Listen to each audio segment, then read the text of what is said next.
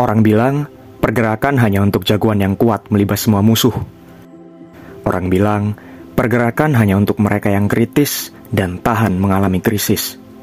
Tapi bagi kami, ujian pertama dalam pergerakan adalah soal kesabaran.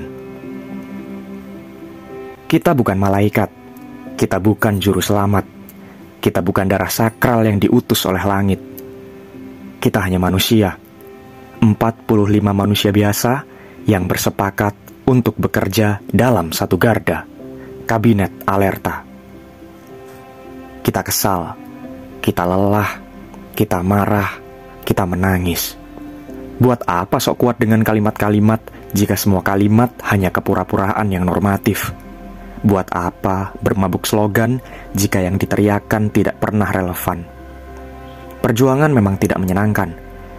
Perjuangan adalah perjalanan yang sangat perlahan dan kita pun sesungguhnya tak pernah tahu kapan akan tiba di tujuan.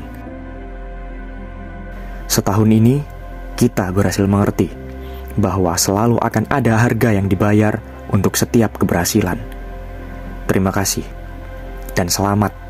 Kita tetap bisa menjadi diri sendiri di tengah derasnya arus ekspektasi.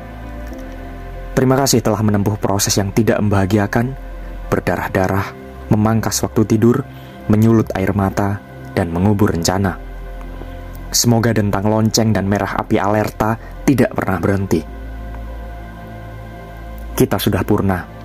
Selamat bergerak di jalan masing-masing. Salam.